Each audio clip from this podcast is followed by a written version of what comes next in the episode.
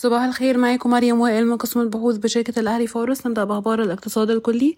ارتفع عجز الموازنة إلى خمسة فاصلة تسعة في المية من الناتج المحلي الإجمالي مسجلا سبعمية وتسعين مليار جنيه تقريبا خلال أول سبع شهور من تلاتة وعشرين أربعة وعشرين مقارنة بأربعة فاصلة أربعة في المية في أول سبع شهور من اتنين وعشرين تلاتة وعشرين. تراجعت إيرادات قناة السويس بنسبة واحد وخمسين في المية خلال أول شهرين من ألفين أربعة وعشرين لتسجل سبعمية أربعة وعشرين مليون دولار. أجرت الحكومة دراسات أولية لمشروع يدعم حركة المرور في قناة السويس في الاتجاهين بشكل أفضل.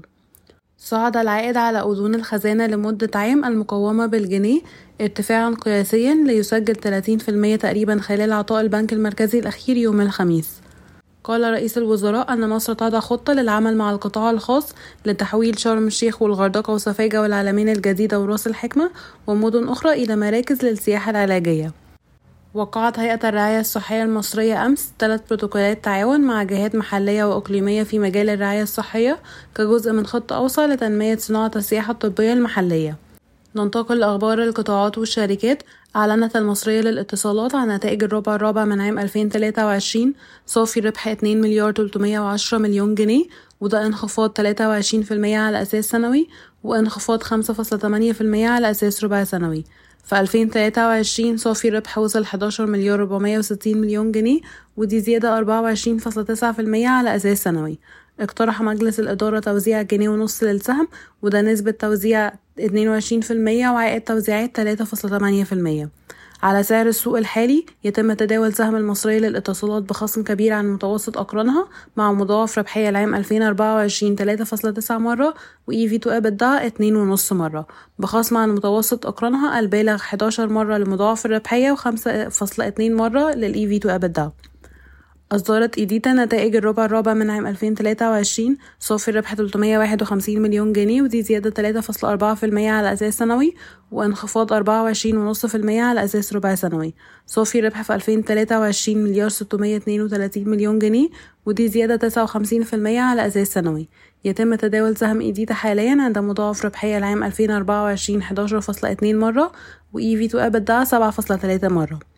أصدرت شركة القاهرة للدواجن نتائج الربع الرابع من عام 2023 صافي ربح 31 مليون وخمسمية ألف جنيه وده انخفاض 59% على أساس سنوي وانخفاض 91% على أساس ربع سنوي. سجل صافي ربح في 2023 مليار 147 مليون جنيه ودي زيادة 288% تقريبا على أساس سنوي. يتم تداول السهم حاليا بمضاعف ربحية العام 2024 2.6 مرة و EV to EBITDA مرة ونص. تلقت شركة مصر الجديدة للإسكان والتعمير عرضا من شركة مدينة مصر للإسكان والتعمير للمشاركة في تطوير ثلاث قطع أراضي تبلغ مساحتها الإجمالية 580 فدان في هليوبلس الجديدة. أكملت شركة طلعت مصطفى من خلال ذراعها للضيافة آيكون كافة الإجراءات للاستحواذ على حصة قدرها 51% مع حقوق الإدارة في لاجسي هوسبيتاليتي أعلنت شركة إعمار عن نتائج إيجابية للربع الرابع من عام 2023 صافي الربح ارتفع بنسبة 9.6% على أساس سنوي و22% على أساس ربع سنوي ليصل إلى مليار و800 مليون جنيه. مما يرفع صافي أرباح 2023 بنسبة 3.8% على أساس سنوي إلى 6 مليار و800 مليون جنيه. فيما يتعلق بمزاد شركة مصر الجديدة للإسكان والتعمير يوم 2 مارس 2024 لبيع وحدات سكنية في اليوبلس الجديدة وشيراتون باعت الشركة 39 وحدة مقابل 91.5 مليون جنيه. أصدرت أمك أرقامها لشهر يناير 2024 انخفضت مبيعات السيارات في يناير إلى أدنى مستوى لها منذ إبريل 2023 مشيرة إلى انخفاض بنسبة 40% على أساس شهري إلى 6300 وحدة. اختتمت شركة النصر للسيارات المملوكة للدولة محادثات مع شركة صينية لم يتم الكشف عنها وشركة محلية من القطاع الخاص لتجميع الحافلات بشكل مشترك وفقا لوسائل الإعلام المحلية.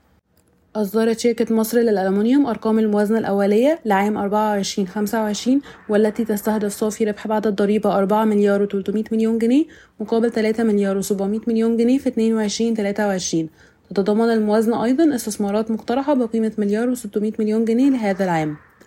أعلنت شركة مصر للأسمنت قنا عن نتائجها المالية المجمعة للربع الرابع من 2023 صافي ربح 81 مليون جنيه تقريبا وده عوض خسائر الربع السابق البالغة 30 مليون جنيه وأكثر من ضعف صافي أرباح الربع المقارن البالغة 34 مليون جنيه. وصلت أرباح 2023 إلى 95 مليون جنيه تقريبا وده انخفاض 2% على أساس سنوي.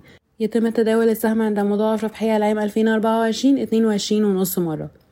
أصدرت لاسيكو نتائج قوية للربع الرابع من 2023 صافي ربح 111 مليون جنيه وده زيادة 194% على أساس سنوي وزيادة 41% على أساس ربع سنوي. يتم تداول سهم لاسيكو حاليا عند مضاعف ربحية العام 2024 8.8 مرة EV to EBITDA 3.4 مرة.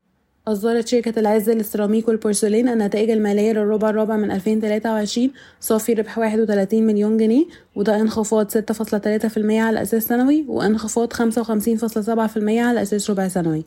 في 2023 سجل صافي ربح 219 مليون جنيه وده زيادة 28% على أساس سنوي. يتم تداول السهم حاليا عند مضاعف ربحية العام 2024 4.1 مرة وإي في تو أبدا 5.5 مرة. أصدرت شركة المالية والصناعية المصرية نتائج الربع الرابع من عام 2023 صافي الربح ارتفع بنسبة 42% على أساس سنوي و131% على أساس ربع سنوي ليصل إلى 185 مليون جنيه في الربع الرابع من 2023 انخفض صافي الربح بنسبة 5% على أساس سنوي إلى 700 مليون جنيه تقريبا في 2023 وده يرجع أساسا إلى ارتفاع مصاريف الفوائد. يتم تداول السهم حاليا عند مضاعف ربحية العام 2024 7.5 مرة وإي في تو أبدا 6 مرات. اتفق منتجو أوبك بلس بقيادة السعودية وروسيا امبارح على تمديد تخفيضات إمدادات النفط الطوعية بمقدار 2 مليون و200 ألف برميل يوميا لمدة 3 شهور أخرى حتى نهاية الربع الثاني من عام 2024 أعلنت شركة ابن سينا فارما عن نتائج الربع الرابع من عام 2023 انخفض صافي الربح بنسبة 27% تقريبا على أساس سنوي و5.7% على أساس ربع سنوي ليسجل 39 مليون جنيه في الربع الرابع من 2023 ارتفع صافي الربح بنسبة 23.5% على أساس سنوي ليصل إلى 213 مليون جنيه في 2023 يتم تداول سهم ابن سينا حاليا عند مضاعف ربحية العام 2024 9.8 مرة وإي في تو أبدا 4.8 مرة. أعلن مصرف أبو ظبي الإسلامي عن سحب عرضه الإلزامي الذي قدمه في ديسمبر للاستحواذ على حصة في شركته التابعة شركة القاهرة الوطنية للاستثمار والأوراق المالية. وافق مجلس إدارة بنك قناة السويس على زيادة رأس المال المرخص به إلى 10 مليار جنيه من 5 مليار جنيه حاليا لدعم خطط النمو المستقبلية للبنك.